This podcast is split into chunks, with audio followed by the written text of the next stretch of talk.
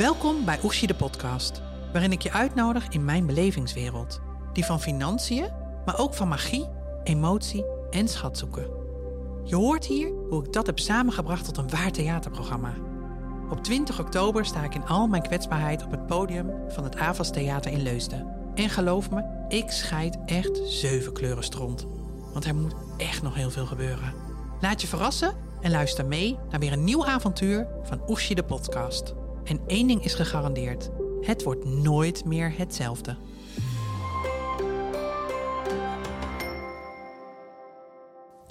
Nou, lieve luisteraars, dit is weer een nieuw avontuur van Oeshi de podcast.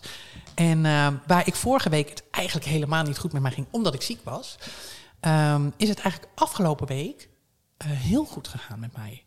Ik heb uh, allemaal hele bijzondere dingen gedaan. En uh, nou, daar komt ook wel een beetje bij dat ik bijna jarig ben. Dat voelt ook wel heel erg leuk.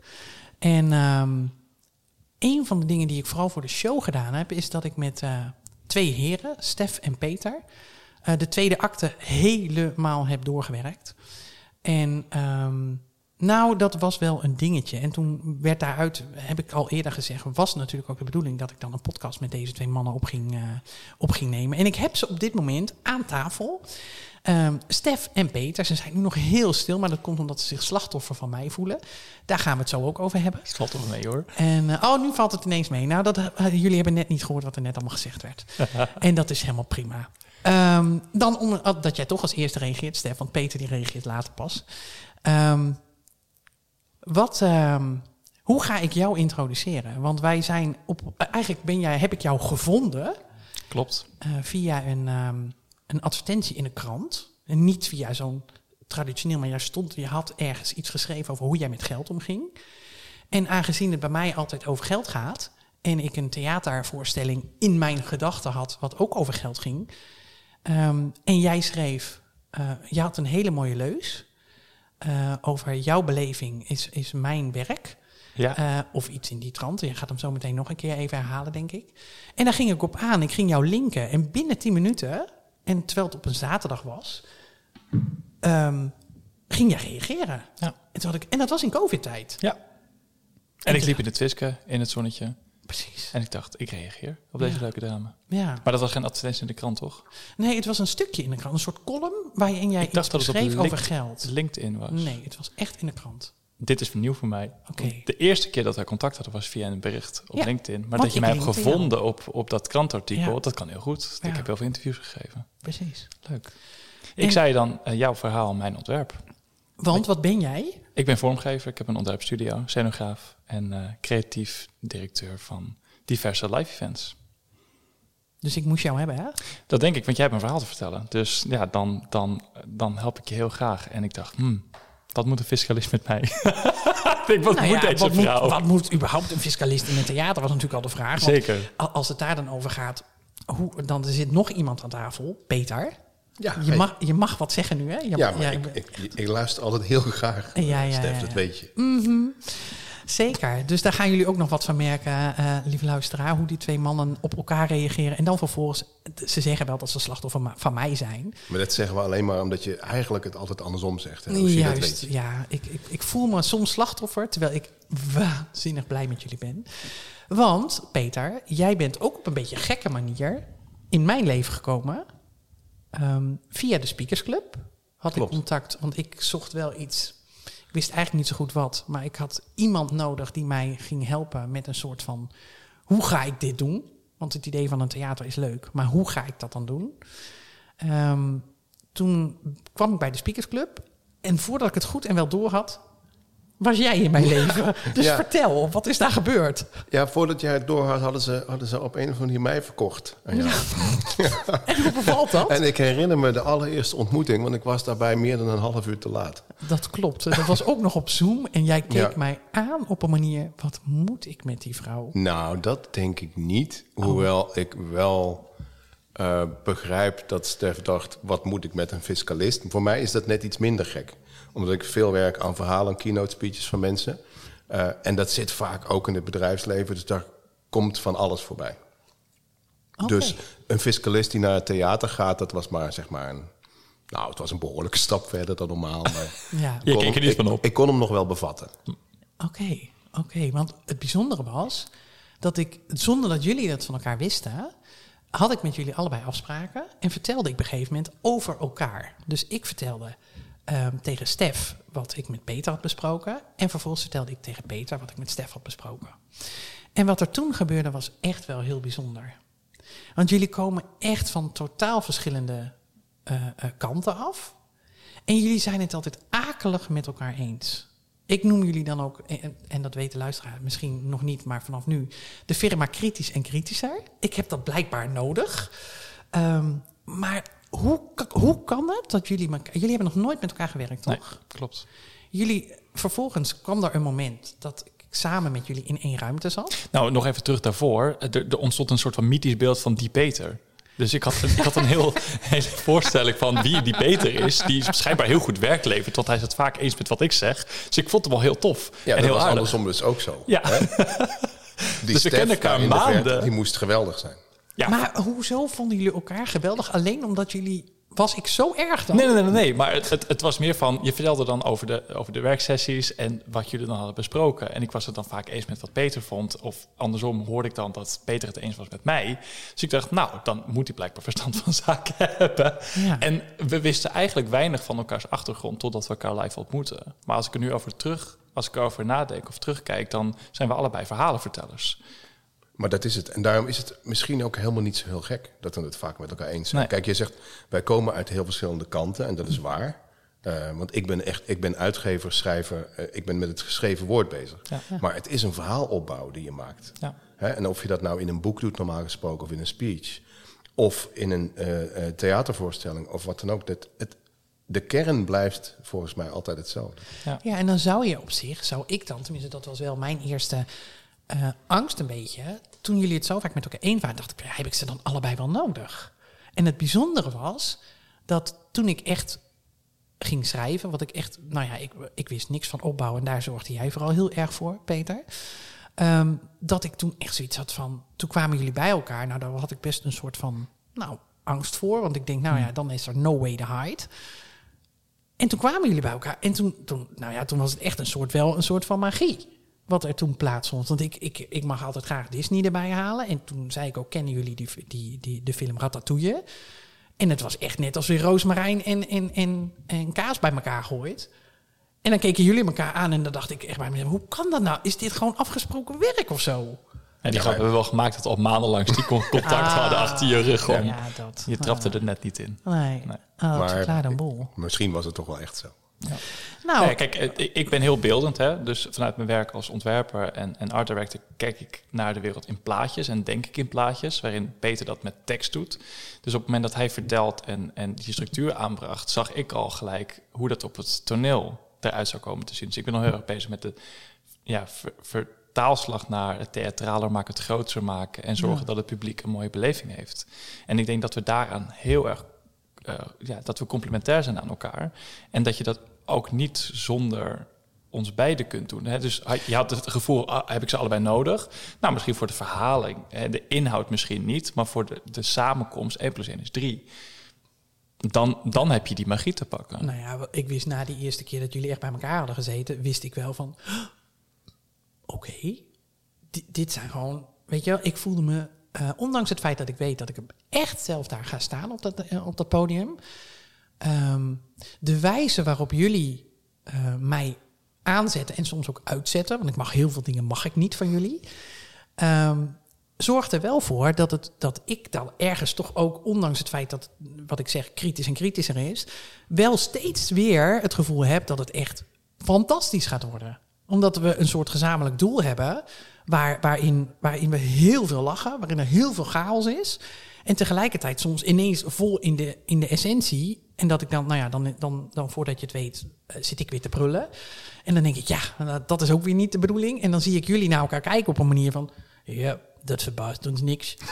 Nee, maar dat is wel de bedoeling. Want dan, gaan, dan ben je geraakt, dan heb je emotie, dan heb je het kippenvel. En dan, en dan weet je dat je tot de kern komt. En dan weet je dat je een mooi product in handen hebt.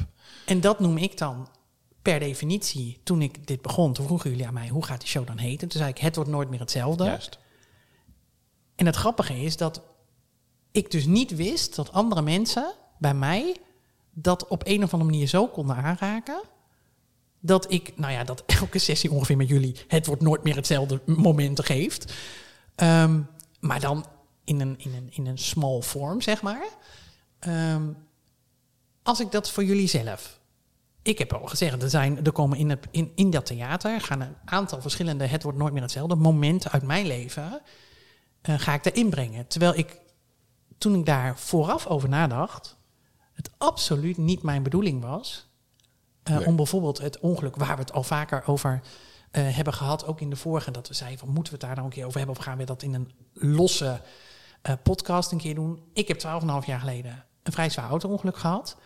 Um, ik heb altijd gezegd dat ik het daar niet over, dat dat niet de essentie was van waar het over mocht gaan.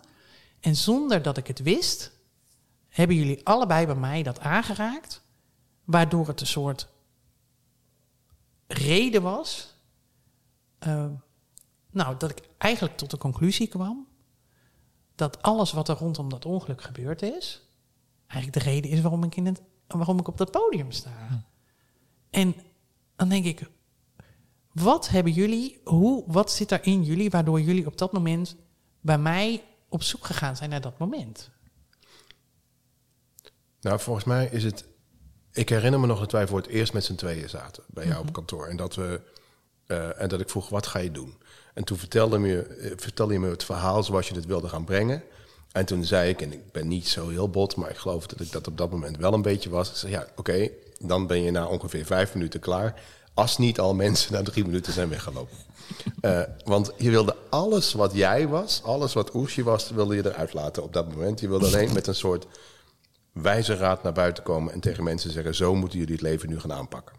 Um, en ik denk wat Stef en ik allebei op onze manier doen. Ik bijvoorbeeld, als ik uh, uh, keynotes voor iemand moet schrijven, dan moet ik, dan moet ik de essentie van die persoon snappen. He, ik kan ook niet op basis van hier heb je een tekst, maak die eens beter. Dat kan ik niet.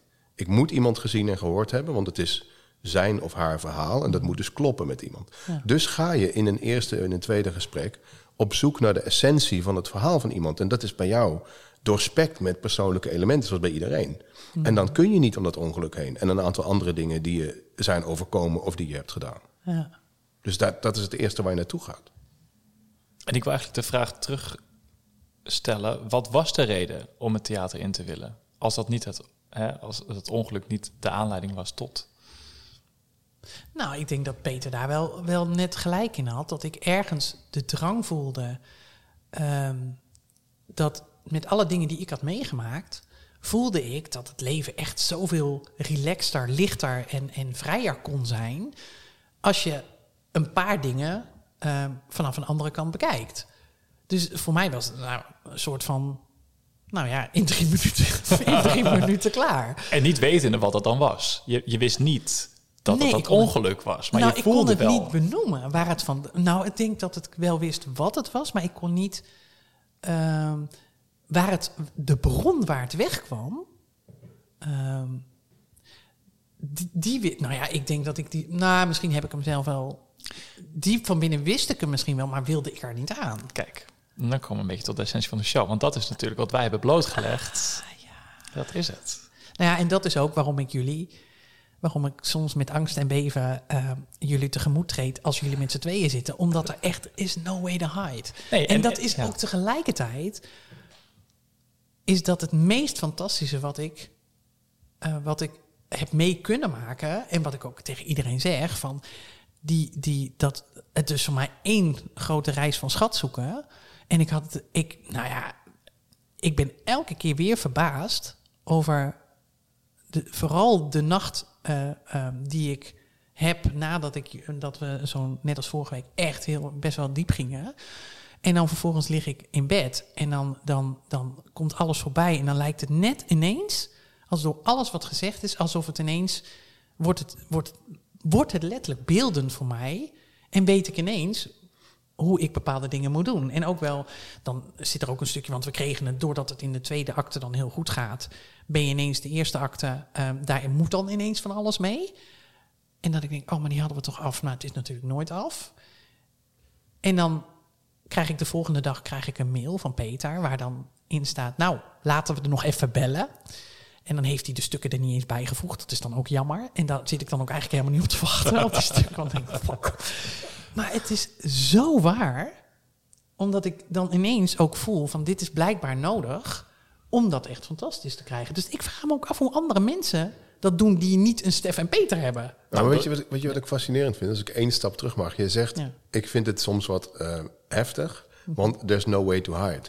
Maar hoe combineer jij een theater afhuren voor 850 man met jezelf verbergen? Dat gaat toch niet? Ik bedoel, there- There is no way to hide, toch? Nou, ik heb toch echt wel serieus gedacht dat dat kon. Want je zet gewoon een leuk gezicht op en dan kom je er wel. Ja, Acteren. Jammer. Typetje. Nou, maar dat is, en dat is niet wat ik wil. Precies, dat gaan we niet Je doen. wilde eigenlijk een soort Tineke Schouten gaan doen daar. Nou, nee, nou ja, dat was dus het punt. Ik- Ik wist niet wat ik wel wilde. Eh, nou, nee, ik denk dat ik, dat ik heel erg graag eh, mezelf wilde laten zien. Ehm, maar dan helemaal zoals ik dat bedacht had. En dat, kon, dat kan natuurlijk helemaal niet. Dus het beeld dat anderen, wat je denkt dat anderen over jou hebben. Nou, hebben. of misschien wel het beeld wat ik dacht dat, ik wel even, wat ik, wat Ja. ik graag uit Ja. wilde dragen. En dat was natuurlijk ook precies waar het over ging.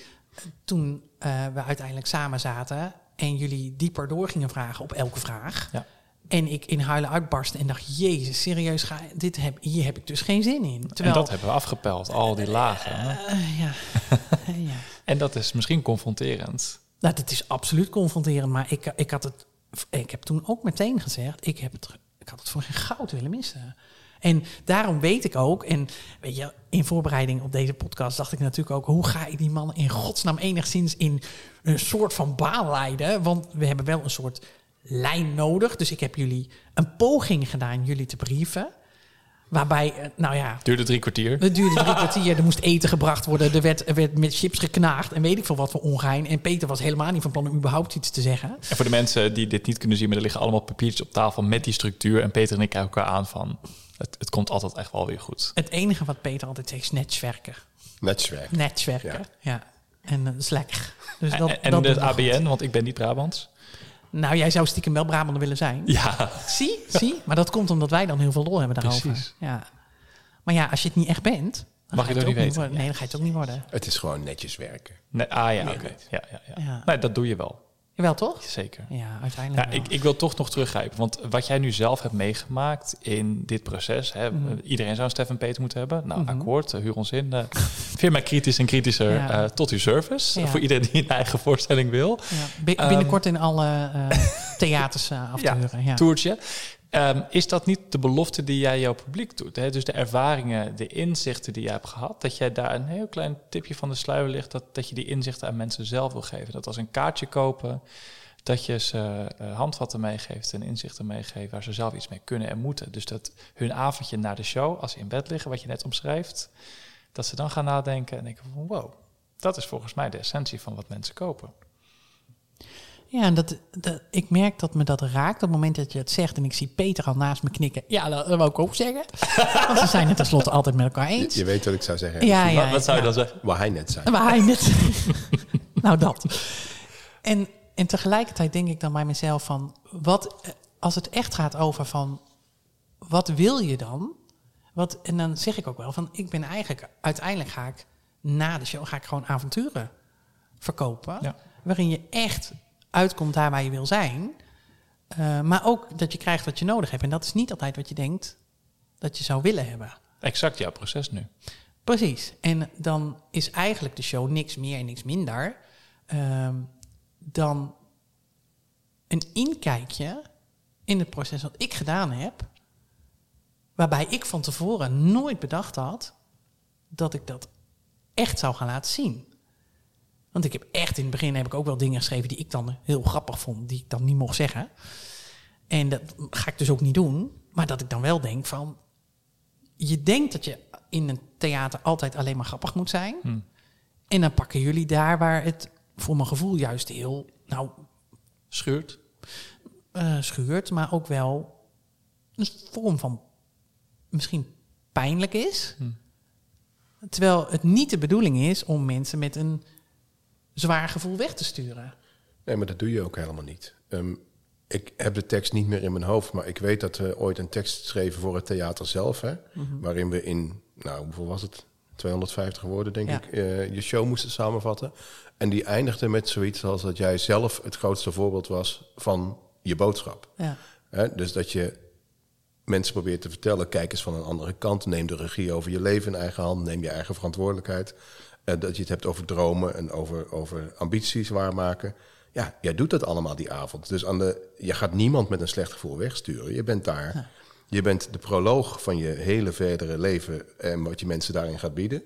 En je bent er het allersterkste persoonlijke voorbeeld van. Ervaringsdeskundige. Ervaringsdeskundige na die avond. En dat was je al. misschien niet een jaar geleden. Hè? Dan, dan dacht je wel van ja, ik heb dit en dit meegemaakt. Maar door dit proces kan je oprecht zeggen dat jij dus veranderd bent. En dat het voor jou nooit meer hetzelfde zal zijn.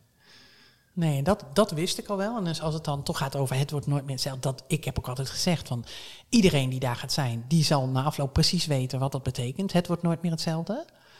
Ehm, ik heb ook tegelijkertijd de luisteraars altijd beloofd van iedereen die bij mij in de podcast zit, daar wil ik wel van weten van wat was nou typisch zo'n het wordt nooit meer hetzelfde moment voor jou. Wanneer is dat voor jou een moment geweest dat je denkt van er is zo'n hele duidelijke voor en na. Ja. Ja, Ik heb twee momenten. Doe maar. Doe eens gek, gooi je haar los. Het eerste moment eh, is ook een ongeluk geweest in 2012, waarin ik eh, ging voorbereiden op skivakantie. Ik denk, nou, ik ga even indoor hè, mijn- skills weer oppoetsen. En ik ging mee met mijn echtgenoot, met Joey, naar eh, ja, een soort van schoolexcursie naar de skihal. En ik dacht, ik neem even naar Schans. En dat kan ik, want dat heb ik in Oostenrijk ook zo vaak gedaan in Duitsland. En ik kan best goed skiën, want ik ski al tien jaar sinds mijn tiende. Dus ik dacht, nou, waarom niet? Ik was 19 of 20 eh, op dat moment. En ja, ik neem die schans, verkeerde afsprong, ik verlies mijn evenwicht en ik val vier meter plat op het ijs, want dat is geen sneeuw. En als je in Oostenrijk valt van een schans, dan is dat sneeuw, is er niks aan de hand. Maar ja, vier meter plat op je ijs, ik, ik slijt door, ik zie Joey voor mij skiën. Die had niet door dat ik het was, die stopte beneden en die ging weer naar boven. En die had echt de eerste twee, drie minuten niet door dat ik daar lag. En mijn jas was omhoog geschoven, mijn rug werd koud, dus ik verloor het gevoel in mijn benen. Ik dacht, dit is foute boel. Ik ben gewoon, Dit is gewoon klaar. ja, ik ben gewoon verlamd. Dwarslesie, klaar. Eh, dus ook ik helemaal in een brace in het ziekenhuis. Gillende sirenes naar eh, het Rode Kruis ziekenhuis Beverwijk. En godzijdank eh gescheurd, niet gebroken. Maar op een paar millimeter na geen dwarslesie. Dus ik heb heel veel geluk gehad. Lange revalidatie, harnas, alles erop en eraan. Half jaar plat. Nou, jullie kennen hem ondertussen. Stef en niks doen. De haat niet. Dus eh, na dag twee was Dat ik al verveeld. dat was echt een hele lange periode van revalideren. Waar ik heel veel liefde en support heb gehad van mijn ouders, van mijn man. En na dat moment ben ik zoveel meer gaan genieten van het leven. En dat ik gewoon, ik had er niet meer kunnen zijn. Ik had niet meer kunnen lopen. Het was echt voor mij een, een omkeer in eh, het genieten van het leven. En Maar had je dat nodig dan op dat moment, denk je? Achteraf, als je nu terugkijkt? ik was jong, ik was, ik was echt 19. En ik, ik keek op een hele andere manier naar de wereld. En ik was niet bezig met de toekomst of met. Je komt echt met beide benen op de grond te staan. Ehm, Nou ja, plat op je bek. ja. Ik wou zeggen, dat is wel een hele was slechte een woordspeling. slechte dit. woordspeling dit, ja. Ehm, dus had ik dat nodig? Ik denk het wel. Ja, het tweede moment is heel recentelijk, is eh, een kleine anderhalve maand geleden geweest. Dat had ik ook niet geweten dat ik dat nodig had, maar het was een reis naar Vietnam, naar Zuid-Azië, waar ik ehm, ja, echt wel mezelf ben tegengekomen op een goede manier. Dat ik ook weer op een nieuwe manier, een andere manier naar mijn leven kijk. Dat ik dacht, never, nooit meer hetzelfde. Nou, dat is te makkelijk, hè? Dat I is- know. dat is zo lekker abstract. Nee, ja. Maak hem eens concreet. Er is een moment dat je da- dan sta je daar en is het- nee, het is de hele reis naar binnen. Dat nee, is nee, nee, zo. nee. Dus Het is niet zo'n mooie reis van eh, ik Nee, maar wat is- mezelf aan het ontdekken. Want nee. dat, dat is het stigma. Of een soort van ja, jezelf ontdekken. Want je neemt het tussen je haar. je- Nee, dat doet iedereen. Ik had daar Mm. echt een soort van mening over, merkte ik. En eh, mijn broertje doet het al een aantal jaar. Die gaat daarheen en die had dan de mooiste verhalen. En die schreef, ben veranderd. En ik kon daar nooit bij. Ik, ik snapte dat niet. En op het moment dat je zelf vijf weken lang ehm, uitzoomt... ehm, tijd neemt om goed te mediteren, te reflecteren op je leven, op je privékeuze, op je werk, op ook niet in je bedrijf werken, dat je gewoon even vijf weken op stop drukt, want ik, nou, ik heb een drukke business, dus dat gaat heel fijn en dat is leuk, maar echt even gewoon met jezelf bent, En, en wie kwam je tegen dan? mezelf. Ja, en wie was dat dan? Wie is Stef dan? Dat is wel een mooi persoon. En dat zie je niet als je druk bent. En Is als dat je- zo? Ja. Dat, dat, Echt dat waar? ver- Dat Nou, geloof ik niet. Jawel, Ik je, geloof je maakt daar geen tijd voor. Dat is wat anders. Ja, dus maar dat- je, weet, je wist wel al dat je een mooi persoon was. Nou, dat had ik misschien nodig. En die externe bevestiging krijg je wel van anderen. is hartstikke leuk. Maar als je van jezelf hoort, die is toch anders. En dan wil ik dat, dat je naar dat moment gaat dat jij je realiseerde... eigenlijk ben ik best een mooi mens. Waar was je? Wat, wat was er om jou heen? Wat rook je? Wat, welke kleur? Wat, waar, in welke stad? Waar was je dan? Het was in Hanoi.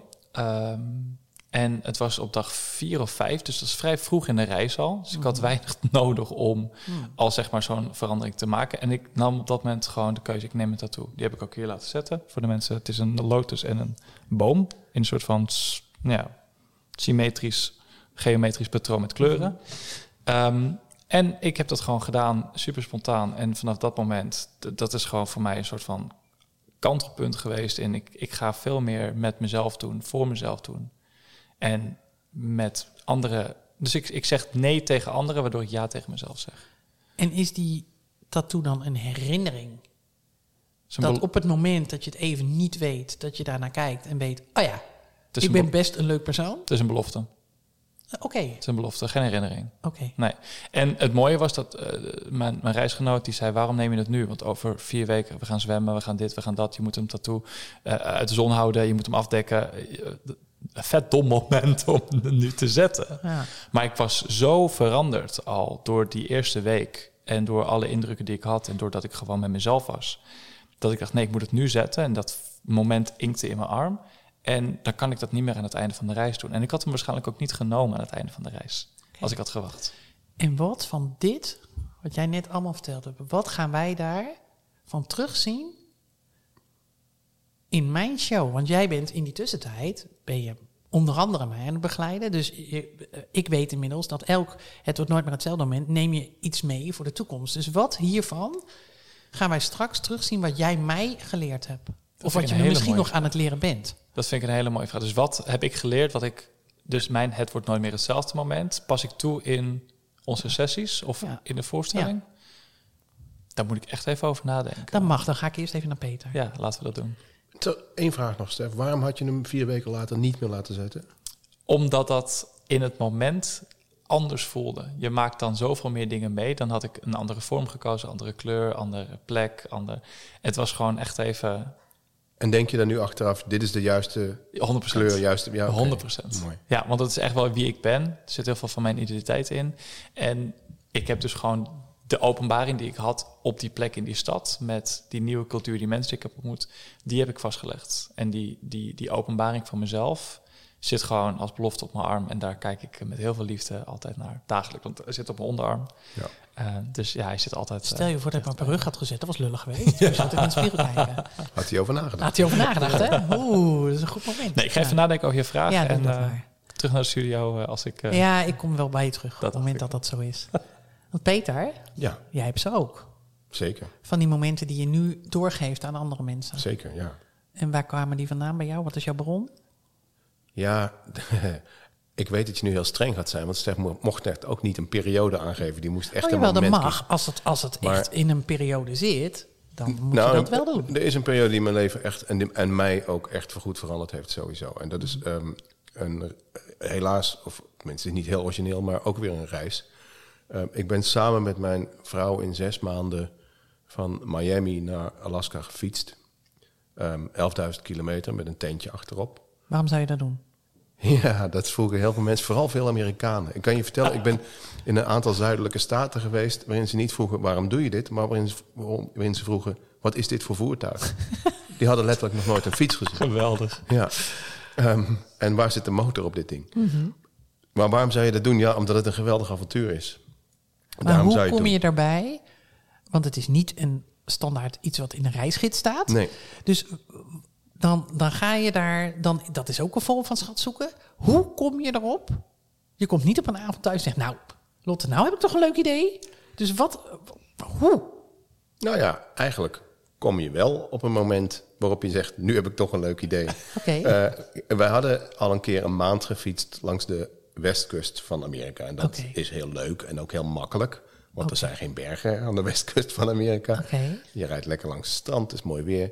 En dat was al heel leuk geweest. Maar omdat dat zo beviel, dacht ik... nou weet je, ik ga kijken naar de langst mogelijke route over dat continent. Want er zijn officiële fietsroutes die lopen dan van noord naar zuid of van west naar oost. Maar deze ging overdwars van rechtsonder naar linksboven, inclusief heel Canada, waar in die hoek echt niks te doen is. Ook Maar ben jij dan iemand die altijd de moeilijke weg kiest? nee. Oh, waarom de- dan? Ik kies de avontuurlijke weg. Oh, oké. En ik vind het niet heel erg leuk als ik van tevoren geen enkele route zelf hoef te bepalen. Omdat die, en nu raken we jouw show wel een beetje aan, hè? Omdat die al keurig ergens eh, eh, uitgemeten staat. Oh, maar dit, ik, ik wil niet piggybacken, maar dit had ik ook in Vietnam. Tuurlijk. Omdat ik, Nee hoor. ik had, ja, maar Ze dat, zijn het helemaal niet nooit Ja. met elkaar eens. Ja, wat ik hij had een zei. deel uitgestippeld. Wat hij zei, En ja. vanaf het noorden zijn we gewoon op de Bonnefoy eh, een paar dagen langer, korter, die stad, die dorpje. En dat had ik nooit ervaren, Nee. hoe dat is om die bevrijding en dat gevoel te hebben van alles kan. De wereld ligt aan je voeten. Precies. En je weet niet welke plek je de volgende dag bezoekt. En die route bepaal je zelf. Ja, het mooie is, ik ga daar één ding in nuanceren bij ons, want wij waren op de fiets. Ja. En als jij door gebieden rijdt waar 300 kilometer lang geen winkel en geen slaapplaats is, Moet je door. moet je, ja, dan moet je 300 kilometer fietsen op een dag lukt niet. Dus dan moet je wel tevoren wel ongeveer weten waar je naartoe gaat en waar je iets zou kunnen vinden. Maar wat ik hier, kijk, ik heb hier echt duizend dingen uitgeleerd die me veranderd hebben. Nou, dat is overdreven, maar tien toch zeker. En één daarvan is hoe weinig je nodig hebt. Hoe weinig je nodig hebt. Als jij alleen maar van A naar B moet komen op een dag en tussendoor ergens moet zorgen dat er eten is, dan is dat het. Dan is dat je hele leven. En als dat je hele leven is, dan ga je veel beter kijken de hele dag. Dan zie je veel meer. Wij hebben, eh, we zijn twaalf beren tegengekomen, letterlijk onder- op de weg. Ja. Je bent beren op de weg Ja, wij zijn tegengekomen? beren op de weg Heel tegengekomen. goed, heel goed. En die hadden we misschien voor een deel niet eens gezien als we niet zo gewoon alleen maar onbevangen bezig waren met de taak van die dag voltooien. Zonder mail, zonder, zonder belletjes, zonder mensen die iets van je vroegen, niks. Zonder afleiding. Zonder afleiding. Oké. Ja. Ja. Dus afleiding is best wel een dingetje in ons Zeker. leven. Oh, zeker. Ja, en ook in het mijne. Daarvoor en daarna misschien ook nog wel enigszins, maar wel veel minder. Want? Ja, omdat ik daar heb gezien dat het niet nodig was. En kijk, een afleiding. ehm, de vraag is hoe je afleiding definieert. Hè? Want ik heb ook nog, ik heb nog nooit zoveel mensen gesproken als in die maanden. Oké. Gewoon compleet vreemde mensen. We hebben 350 mensen, geloof ik, onderweg wezenlijk gesproken tijdens die reis. En wat bedoel jij met wezenlijk spreken? nou, meer dan alleen maar how are you, I'm fine. Oké. Eh, gewoon wie, wie ben je, waar sta je voor, waar, waar geloof je in? Dat gingen mensen ook allemaal spontaan vertellen. Maar Wat dat is jouw grappig. verhaal? Ja. Nee, maar dat is grappig. Want hoe komt het? Wat was er dan in die reis waardoor mensen verder gaan dan de vraag: How are you doing? Dus je, vraag, je hebt de vraag anders gesteld, want anders komen mensen niet met die antwoorden. Nee, het- ik heb eigenlijk nauwelijks vragen hoeven stellen. Kijk, wij schreven ook een boek onderweg. Dus ja. we, we, moesten, we wilden wel met iets terugkomen, Ja. zeg maar. En een van de dingen die we gingen zoeken was de, was de echte Amerikaan. Mhm. We waren fietsend op zoek naar de echte Amerikaan, tussen haakjes en onszelf, staat op het boek. maar eh, Wie had je eerst gevonden? Nou, nou, we hadden elkaar en onszelf al wel gevonden in de eerste week, denk ik. En de echte Amerikaan duurde iets langer. Dus eigenlijk had je na een week al teruggekund. Nee, nee, nee, want dat, dat, nee. In de, eerste week is zoiets heel confronterend. Want het is een heel heftig avontuur met een, met een tent achterop. En dat wordt alleen maar steeds beter daarna. Dus ehm, waarom kwamen die verhalen? Die kwamen omdat mensen ons zagen. En ze zagen, die twee zijn gek misschien. Eh, Prettig gestoord. ja, of in ieder geval heel dapper en ze doen iets wat ik nooit zou doen. En als mensen jou zien als iemand die zijn eigen weg durft te gaan en iets doet wat jij misschien zelf niet zo zou doen, dan ontstaat er makkelijker een gesprek dan Zeker. als je naast elkaar in de file staat, bij wijze van spreken. Dus wij hadden zoveel aanspraak. En als je dan vertelt, nou, we zijn aan het fietsen van Miami naar eh, Anchorage, Alaska en misschien een stukje verder, dan denken mensen, ja, wat zij doen is zo gek. Ik kan alles vertellen, want zij vinden niks gekker. Straks wat ik zeg. En je had ook maar drie dingen te doen. Dat was fietsen, Ik had drie dingen, slapen, we hadden, eten. we hadden tijd genoeg. En, en, en dus niet afgeleid worden door alle andere zaken. Dus je stond open voor die verhalen en er was geen afleiding. Waardoor je dus echt Ja. goed kon luisteren. Nou, en het mooie is, daar wil ik nog één ding aan toevoegen. We hebben de neiging hier om als iemand vraagt, eh, wie ben jij? Te gaan antwoorden met wat je doet, in Ja. plaats van wie je bent. Hè? Daar hebben wij het wel eens over gehad. Het eerste wat mensen zeggen als je vraagt, wie ben jij? Zeg, ik zeg het hier ook, maar dat doen we in verband. met de show. Dan zeg ik, nou, ik ben uitgever en schrijver. Maar dat is niet wie ik ben, dat is wat ik ben. En tijdens die tocht waren we niks. We waren aan het fietsen, punt. dus niemand zei ook meer... Dat was genoeg. Dat was genoeg, ja. Dat was genoeg. Dus niemand begon... Uh, wat, wat, wat voor baan doe je? Nou we, waren niet met een baan bezig. We waren fietsers, punt. En dat, dat maakt de gesprekken echt het, makkelijker. Dat haalt de drempels weg. Nou, en als ik kijk wat... Als ik dan voor mezelf, hè, die, die essentiële vragen die ik bij, eh, aan al mijn gasten wil stellen van... Wat heb ik dan van jou geleerd? Dan denk ik dat jij constant aan mij blijft vragen, eigenlijk bij alle teksten die ik maak, ehm, hoe verhoudt het zich tot het geheel en uh, wat blijft er over als ik alleen dit vertel? Mhm. En als ik jou dan nu hoor wat je daar gedaan hebt, dan gaat het dus heel erg over ehm, wat heb je nodig? En als je alle, wat ik nog wel eens wil doen, heel veel tekst gebruiken om iets te zeggen, ja, ik zeg van ja, weet je, maar die tekst die doet er eigenlijk niet toe, want ik wil alleen horen waar het over gaat. Ja.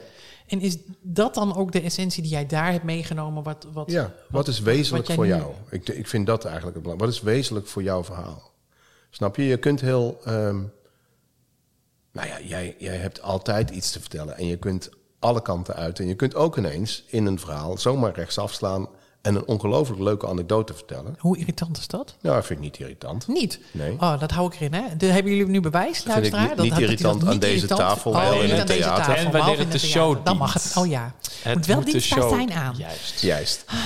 Oh, dan zijn ze het weer eens. Ja, en dan zeggen we dus van, nou ja, nee, het is een leuk verhaal, Oshi, maar uh, ik zie ons nog dat dan doen. Dan geven we dat blok een mm. kleurtje en zetten we het naar beneden. We hebben een tweede script ondertussen. ja, echt, alle ja, dat is een stuk lolliger. Ja.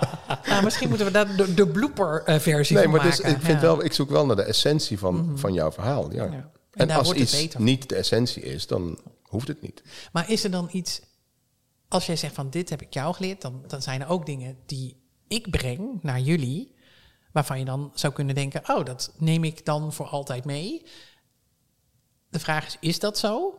Zou heel zijn als ze nou zou zeggen, nou, dat hebben we helemaal niet. Dus ze hebben het vast ergens, maar dan moet ik misschien wat dieper duiken. Um, maar zijn er dan ook dingen die je vreest dat ik, dat ik ga doen, terwijl het niet, of waarvan je denkt van, dat ze gaat dat toch niet... Uh, elke keer als ik zeg dat ze het niet moet doen, gaat ze het misschien stiekem toch doen. Is daar, ben je daar bang voor? Of zeg je van nee, dat gaat echt niet gebeuren? Nee, ik ben daar niet bang voor. Omdat ik ervan overtuigd ben dat. Kijk, jij noemt ons altijd kritisch en kritischer. Ja. En dat zijn we ook wel. Mhm. Maar je weet ook dat we altijd uiteindelijk liefdevol kritisch zijn. En dienend kritisch aan het verhaal. Genadeloos liefdevol. Genadeloos liefdevol, precies. Die houden we er steeds maar in. Dus ik ben ervan overtuigd dat je niet dat blauw gearseerde blok dat nu onderaan het, het, het draaiboek staat, dat, dat, ga je niet terughalen, omdat je ook wel snapt of voelt dat het beter is. Zo. Nou ja. nou ja, maar tussendoor dingetjes die ze tussendoor niet mag zeggen, dat is toch wel een lichte angst die ik heb, voordat ze dan even uit de bocht schiet. Ah, ja, maar die gaan jullie in de try-out, gaan jullie die eruit ja, smijten, toch? dus ik mag niet zingen over dat, ik, ja, ik mag wel zingen, maar ik mag niet langs ons leven zingen. Nee. Want terwijl ik weet dat er mensen zijn die, jarig zijn in de, in, de, in de zaal zitten, dat weet ik al. Maar ja, mag ik dat niet doen? Nee, je gaat zingen en dat hebben we gerepeteerd. En dat is fijn en dat is veilig. Als het niet gerepeteerd is, mag ik niet doen. Nou ja, ik, je moet gewoon comfortabel en zelfverzekerd op het podium staan. En het is niet je vak. En het is nogal een vak. Mhm. Dus ik heb liever dat je dan binnen de lijntjes kleurt en die, die heel mooi maakt, dan dat we echt iedere keer over die lijntjes heen gaan. Ja, maar en dat het dan geen, wat van me, Dat weet. Nou ja, jij vroeg het aan ons. Ja, maar ja, ik weet wil je, theater in. Ja, dat klopt. Maar dan ga je aan een ongeleid projectiel ga je vragen om binnen de lijntjes te kleuren. En dat is onze taak. Ja, een ongeleid projectiel, projectiel dat het theater in wil, dat, dat, dat heeft dit nodig. Maar ik ben wel heel benieuwd naar het eindresultaat. Kijk, ik heb het al, al maanden in mijn hoofd. Ik zie het al maanden voor me. Ik heb er zelfs al een paar keer over gedroomd. Dus ik weet al wat mensen kunnen verwachten. Alleen, ja, die mensen die een kaartje gaan kopen... wat je echt wel moet doen, vind ik... die gaan het beleven. Mhm. ik denk dat ik nog meer nieuwsgierig ben naar het eindresultaat. Weet je waarom? Omdat ik... Ik ken de tekst. Maar ik hoorde vorige week Stef praten over visuele dingen... die hij van plan is te gaan doen. En hij heeft ze al gezien en ik nog niet. Ja. En theater is natuurlijk ook voor een groot deel. Het is veel meer dan alleen maar horen. Het is ook zien, voelen, et cetera. En dat, dat stuk, daar is hij veel beter in dan ik. Dat zie ik niet meteen voor me. Dus ik ga veel meer verrast worden nog. Dus we hebben en inhoud en storytelling. Op een hele visuele manier. Waarbij alle zintuigen denk ik wel worden geprikkeld. Nou ja, wat, wat er net ook al in het verhaal van Peter natuurlijk terugkwam. Van wat gebeurt er als, er bepaalde, als je bepaalde zintuigen eh, of niet kunt gebruiken. Ehm, dan wel ervoor kiest ze niet te gebruiken. Dan gaan andere zintuigen gaan extra aan. Ja. En eh, dat, dat hoor ik bij jou, Stef, in het verhaal ehm, van je ongeluk. Dat je ineens je iets realiseert. En bij jou, eh, Peter, hoor ik hem. Van dat je dus ineens... Kijk, het zou wel heel wonderlijk zijn dat je die beren niet gezien zou hebben. Eh, als, eh, ehm, eh, want je Ik heb op, gebruikt zeker, ik heb op zeker moment een beer gemist die Lotte wel gezien had. Toen ben ik teruggefietst om hem Oh, alsnog echt? te zien. Om hem toch te zien. Ja, dat was echt dat was de ultieme manier. Hè? Want eigenlijk een beer op de weg, dan moet je wegwezen. Ja. Maar ik ging terug. Ik wilde hem zo graag zien. En dan zie je hem en dan? Wat gebeurt er dan? wat, wat gebeurt er dan in je, in je lijf? Nou, de, Dan de, zie je een beer en dan? de eerste was in Glacier National Park. eh, en die zat echt gewoon naast de weg. Daar staat een foto van in de boeken. En dat, dan zie je hoe dichtbij dat was. Mhm. En ook... Ja, die, die, die beesten zijn zo fantastisch. En Wat is er die zo zijn fantastisch zo majestueus. Ze zijn zo groot en zoveel sterker dan jij. En dan maak je er een foto van en dan zit er nergens in je gedachten. Misschien is dit niet heel slim. Nee, want dat, dat was het eh, op dat moment wel. Want het was volkomen helder dat dat beest niet met ons bezig was. Ehm, dat was gewoon... Dus dat, op een gegeven moment schrijft Lotte daar in dat boek echt iets supermoois over. Want die, die was echt heel bang. En in Canada stonden overal borden met... Mhm. Be bear aware, stay in your vehicle. Ja, Dat lukt dan moet niet je op, een fiets. zitten. stay in your vehicle. Het loopt ook niet En gemaakt voor toch fietsen. wilden jullie daar En, fietsen. en toen was er af en toe was er zo'n eikel die dan langs reed in een grote eh, eh, Dodge of zo. En het raampje opendraaide en dan zei: There's a bear, there's a bear. En op een gegeven moment zat Lotte huilend op de fiets omdat ze echt zo bang was dat er iets Oh. fout maar waarom wilde je daar dan ook fietsen? Nee, maar wacht even. Een paar weken later kwamen, zat er een beer langs de kant van de weg. Dat was die beer waar ik voor teruggefietst ben. En zij zag hem wel. En ze heeft daar een hoofdstukje over geschreven in het boek. En dat gaat er gewoon over. Dat die, die beer zat bloemetjes te eten aan de kant van de weg. Oh. Ja, precies dat. Oh, die zat bloemetjes te eten. For Christ's sake, schrijft Lotte. Weet je? En het was voorbij met die angst. Oh, het, echt? Ja, het is gewoon... Wacht even, dan ziet zij een beer die een bloemetje eet. Ja. En dan ben je ineens van je angst af. Ja, omdat je je Wat in realiseert... godsnaam gebeurt daar dan van binnen? Die beer bedreig, die is geen bedreiging. Die is, dat is gewoon een Aha. ander, een ander beest. Fysiek supersterk en groot en imposant. Dus zij zag hem ineens vanaf een hele andere Ja, kant. precies. Wauw, nou dat is het dus. Dat is waar het over gaat. Ja. Dus zodra je hem dan van de andere kant ziet, dan wordt het ineens een prachtig beest. En, en dan, dan brengt hij iets wat jij eerder nog nooit... Dan is het, En dan dat- ga je daarna op zoek naar Dan is het een heel mooi onderdeel van de wereld om je heen. Punt. En dan ga je dus op zoek Ja, dan naar fiets, weer een beer. dan fiets je dus terug voor de volgende beer. Ja. Maar dan was het dus niet fight, flight, freeze, maar dan was het foto. Enjoy. Nee, Ja, niet eens foto, enjoy. maar gewoon... Dan is het echt Realize, ja. Ja, maar dat is toch mooi dat je dan Ja. die, die instinctieve reactie hebt van... oh my god, deze, deze beer kan me gewoon, weet je... met één klauw van de weg mappen en ik ben dood. Dus ik ga die heel ver vandaan. Ja. Maar dat, maar dat, doet was ze dan dus niet. dus die, die andere kant is zoveel liefdevoller en zachter en mooier... die je niet voor mogelijk had kunnen houden voordat je het ervaarde. Nee, zeker. Heel bijzonder. Hey, is er iets wat ik doe, wat, wat je tot nu toe van mij gezien, waarvan je denkt, nou, dat kan wel eens voor de rest van mijn leven in mijn eh, arsenaal voorkomen? Ja. En dat is? Jij maakt mij dapperder. Oh, huh? Oh, die zag ik even niet aankomen. Ja. Dapperder? Ja. Kijk, Dodo is speaking. Tell me. Dodo is speaking, zeker. Nee, kijk, Jij maakt mij dapperder. wij, hebben, wij, hebben, wij maken allemaal aan deze tafel eh, bijzondere keuzes, denk ik. Wij zijn allemaal, we hebben allemaal een punt gehad waarop we iets bijzonders gingen doen in, in een onzekere, namelijk de creatieve industrie. Hè? Zeker. En ehm, geloof me, toen ik een uitgeverij begon, vier jaar geleden, zeiden mensen ook: wat ga je doen? Geen mens leest straks meer boeken en er zijn al zoveel uitgevers, et cetera. En dat klopt ergens ook wel. Het was ook gekke werk, maar het gaat Want best. je had een goed leven daarvoor ook. Ja, ik had een goed leven. Ik heb nog steeds een goed leven. Ja, nee, maar het Ja. was niet zo dat je, dat je ontslagen was en dat Nee. het allemaal één dik drama was Nee, waarom je deze keuze Nee, maakte. ik maakte voornamelijk tv-programma's op dat moment. En Ja. dat deed ik ook, heb ik nog heel lang daarnaast gedaan zelfs. Niet geheel onverdienstelijk. Niet geheel onverdienstelijk, vind Precies. ik. Dank je. Ehm, Het gaat toch weer over geld. Nee. nee, nee, nee. Nou, daar had het niks mee te maken. Maar, en nog steeds is die keuze is bij Vlagen best spannend. Want ik weet nooit wat ik de maand daarna verdien. Of over drie maanden. Nooit. Ik weet nooit of jullie allemaal onze boeken gaan kopen of niet. Nee. Ik richt me nu even tot jullie. Ja?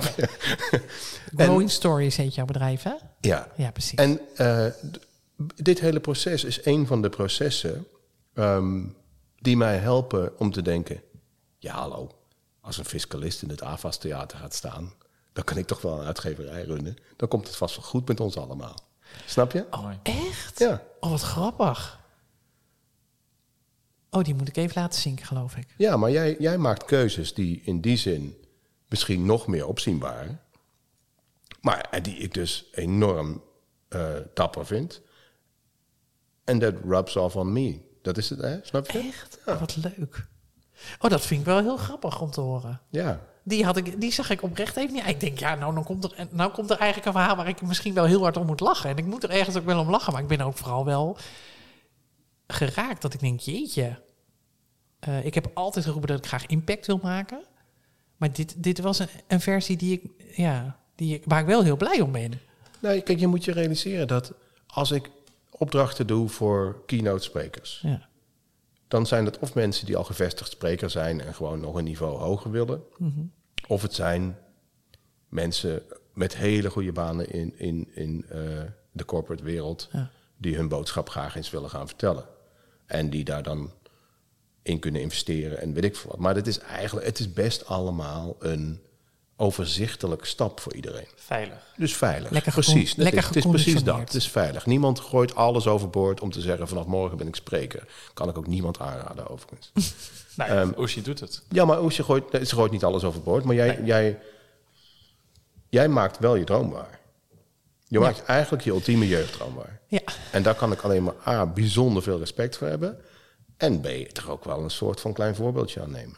Dus mijn vastberadenheid om die uitgeverij nog meer te laten slagen dan die al doet, die wordt alleen maar groter door jou. Oh, wauw.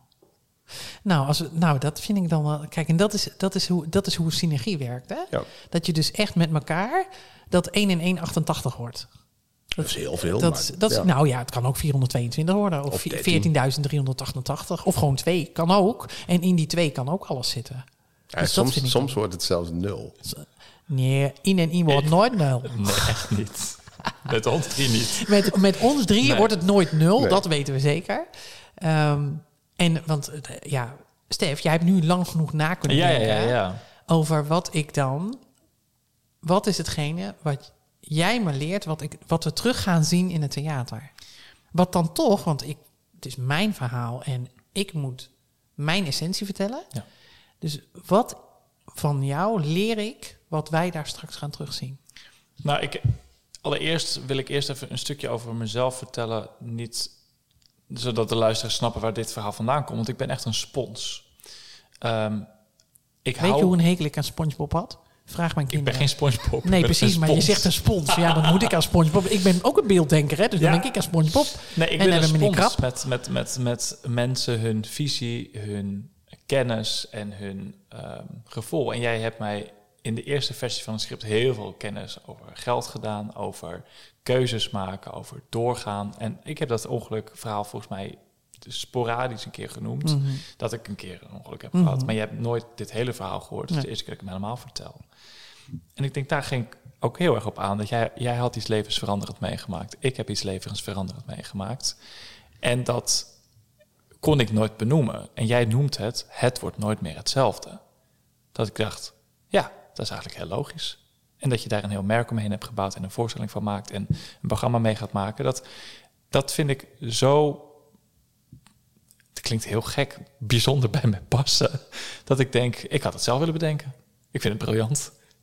En dus wat, wat ik voor mezelf erin leg, is, is dat ik heel erg projecteer. Dus ik, ik neem alles in me op. Ik ga er even op beroeden.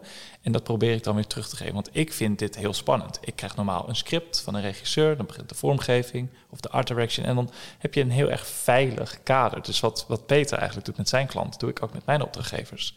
Je krijgt een kader. Nu hadden we carte blanche. We hadden niks. We hadden een wit velletje papier en een droom. En waarom heb je dan toch ja gezegd? Omdat het wel mijn belofte was. En wie, ja, ja, wie, wie één zegt, moet ook twee zeggen. Hoe zeg je dat? Die Die A zegt uitdrukking? moet ook B Ja. ja. Dus Maar je had gewoon, weet je... Als ik zeg jouw verhaal, mijn ontwerp, Ja, maar er is nog geen verhaal. Ja, ik heb het nog nooit gedaan, dus ik denk dat ik het wel kan. En dat heb je ook vaker gezegd. Weet je, je, je hebt nog nooit in het theater gestaan, Nee. maar we gaan het wel doen. En dat Ja. is wel. Maar ik heb nooit gezegd, ik denk dat ik het wel kan. Ik ga het gewoon doen en ik Ja, vind het precies. groot Ja. Ik zie wel of ik het kan. Nou ja, ik vind het één groot experiment en een experiment slaagt altijd. Want Zeker. Of je, of je wint, of je leert er iets van. En, eh, en dat Maar- is denk ik ook wel mijn motto. Ja, en dan, dus- Maar toch zeg je ja. En toch zeg je dan van... Jij hebt dingen van mij die je dan terugziet. Maar er is in jou zit iets... wat ik voorheen niet had... wat je wel terug gaat zien in het theater. En Ja. daar ben ik naar op zoek. Wat is van jou wat jij voorheen niet had... wat je...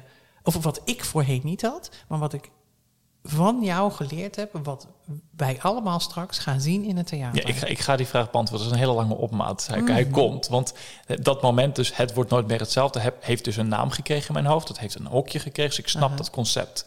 En terugkijkende op mijn voorgaande klanten, waren dat ook allemaal opdrachten die ik nog nooit eerder had gedaan.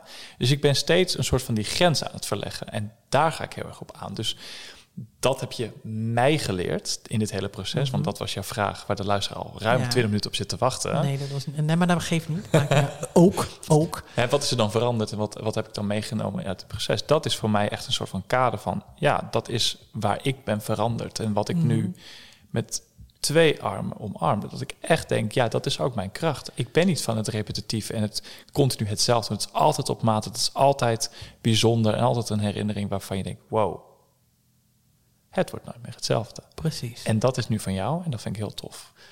En dan nog heb ik geen antwoord op mijn vraag. Dat klopt. Dus, wat heb jij Nee, wa- wat... Ja, wel. dat was de vraag. Wat heb jij wat heb geleerd? ik, wat, wat de mensen straks... Wat ik dus blijkbaar zo omarmd heb van jou... Mhm. Wat jij mij geleerd hebt... Wat we straks gaan terugzien in het theater. Eh, dat zei ik net al eerder, het afbellen. En dat, de, dat, de, dat je geen spiegel op het toneel hoeft te zetten om een spiegel te zien. Dat op het moment dat je je verbeeldingskracht gebruikt en je voorstellingsvermogen, dat je dan een veel mooiere voorstelling krijgt dan dat je het allemaal inkleurt, benoemt. Ik mag dus gewoon buiten de lijntjes kleuren.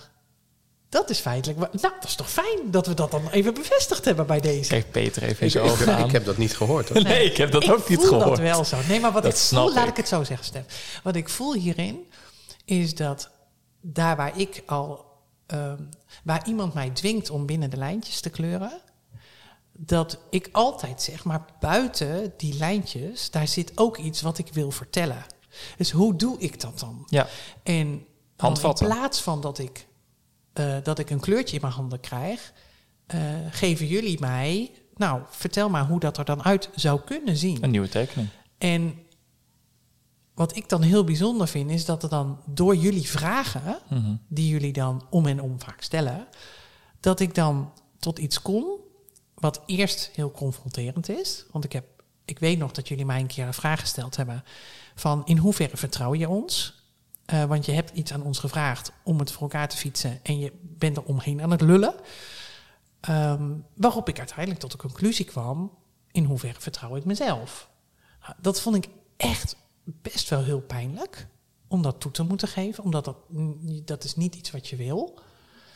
Om vervolgens daarna wa- was het zo duidelijk voor mij waarom ik ehm, er iets in deed, eh, dat ik echt het gevoel had van ja, weet je, dit is, dit is wel echt, dit, dit zou ik zonder jullie ehm, niet kunnen gaan brengen. Want dan wordt het inderdaad een verhandeling. En dan heeft het niks meer met mij en mijn emotie en, en wie ik dan ben Ja. eh, te maken. Dus wat, wat, wat over mij zegt. Dus als ik dan even terugga naar van wat kunnen mensen dan verwachten die een kaartje kopen. Ehm daar hadden we het er straks al over. Dat gaat dan over dat ik laat zien hoe ik het gedaan heb. Maar is dat zo? Nou, Laat je echt alles zien hoe jij dat gedaan hebt? Of, of is het die, die, die schatkaart die, die je uitstippelt en dat jij, dat jij vertelt wat er op die route gebeurd is en dat mensen dat zelf kunnen leren en zelf die inzichten kunnen hebben. Want je, dat, is, dat is ook, denk ik, wat je van mij meegekregen om die vraag nog een keer te beantwoorden. Je maakt een voorstelling voor 850 verschillende mensen. Ja. En dat betekent dat er altijd mensen zullen zijn die op andere elementen aangaan. En dat we dus iedereen moeten bedienen, want iedereen verdient een mooie Exact. avond. Dus het enige wat ik doe, ik laat een voorbeeldje zien en ik geef handvatten hoe iedereen dat voor zichzelf Precies. mogelijkerwijs zou kunnen zien en wat iemand dus uit het experiment kan halen. Ja, want jij, jij kan wel vertellen over jouw ervaring, maar dat heeft dus voor eh, Precies. 849 mensen geen raakvlakken, Nee. behalve voor jou. Precies. En jij snapt die context Ja. en wij gaan en, dat. En jullie hebben dan, en dan is de vraag aan jullie, wat is dan waardoor toch iedereen die kaartjes moet kopen? Want waarmee gaan ze dan naar huis? Met die belofte waar we het aan het begin eh, van de podcast over hadden. En dat was? Oh, Leonie, kunnen we terugspoelen? Dat gaan we niet doen, want we zijn bijna aan het einde gekomen Ik van weet deze het. podcast. Dus Ik wat, is dan, het. wat is dan Peter? Want jij, jij, dit is wel een mooie, omdat Stefan er toen mee begonnen is. En jullie zijn het toch altijd eens. Wat is dan die belofte? Nou ja, eigenlijk heb ik het net impliciet gezegd. Als ik zeg dat je mij al wat dapperder maakt, Hmm. Dan impliceer ik eigenlijk dat ik nog iets meer de regie over mijn eigen leven neem. En ik vind dat ik al iemand ben die dat al heel veel doet. Ehm, dus denk ik dat die 850 mensen allemaal handvatten gaan krijgen. Los van, oh, is een hele mooie avond. Hè? Laten we dat ook niet vergeten. Maar daarna naar huis gaan met handvatten en heel veel gedachten over hoe zij in de jaren daarna hun leven nog meer kunnen inrichten zoals ze dat eigenlijk zouden willen. En dan heb ik het aan jullie te danken dat we dat in twee uur tijd kunnen doen. Als het jou lag, was het vijf. Oh, vij- vijf weken. Oké, nee, die snap ik, die snap ik. Dus uiteindelijk zeggen we, ehm, die kaarten die moeten verkocht worden. Ja, Ehm, gaan we ook doen. Ehm, het is eigenlijk heel erg zonde als je er niet bent. En dat is ook zoiets heel bijzonders, want je kan het maar één keer meemaken. Het Ja. is eindig. Hè? Na die avond, na 20 oktober 23, komt dat moment nooit nee, meer terug. dat moment komt nooit terug. En eh, de vraag is of er ooit een tweede eh, eh, voorstelling gaat komen. Ehm, Cliffhanger. Cliffhanger. We gaan, we gaan het gewoon zien. Kijk, ik moet eerst die 837, want het zijn 837 kaarten uiteindelijk. Oké. Eh, die moeten wel eerst allemaal verkocht Ja. worden. Dus www.gaschatzoeken.nl. Daar kunnen ze in ieder geval eh, gekocht worden. Dus laten we dat ook vooral, eh, eh, lieve luisteraars, met z'n allen doen. En- Ik ben erbij. en, eh, jij hebt een iets andere taak, hè? Die, Oh. die dag. Dus jij, jij, Je jij gaat, het beter vanaf, in de jij zaal, gaat het maar- vanaf een iets andere plek zien. Peter die gaat wel echt in de zaal zitten. Ja, ik zit achter Dus de dat is, dat, is helemaal, dat is helemaal prima. Dus die gaat later allemaal precies vertellen hoe het, hoe het gelopen Ik is. ga aantekeningen maken. En eh, zeker, voor, die, voor, die tweede, voor die tweede keer dat het dan gaat komen. En ehm, nou ja, ik, de- deze podcast ehm, eh, komt hiermee eigenlijk aan zijn einde. Ik hoop jullie toch misschien zo tegen het einde, eh, dat we zo'n beetje begin oktober zitten, wil ik eigenlijk nog een keer met jullie zitten. Omdat ik dan ook wel heel benieuwd ben eh, hoe jullie er dan bij zitten. En of ik jullie niet echt het slachtoffer van mij geworden zijn. Of dat het toch andersom is. Dat is de vraag. Dat, is dan een, dat is dan een mooie vraag. Ehm Dank je wel voor het feit dat jullie zo open en eerlijk hier zijn geweest. En nog veel meer, dank je wel voor alles wat jullie doen. Ehm, voor mij en de show, omdat ja, zonder jullie zou ik dit helemaal niet willen doen. Dus eh, dank. Heel graag gedaan. Ja, En, eh, buitengewoon graag gedaan. En, en dank dat we dat mogen doen. Ja. Eh, my pleasure at all. En eh, als je het nou leuk vindt, eh, eh, like dan in ieder geval en geef comments. En zorg dat je, dat je me gaat volgen, want dan hoor je elke keer weer een nieuw avontuur van Oesje de podcast. Dankjewel.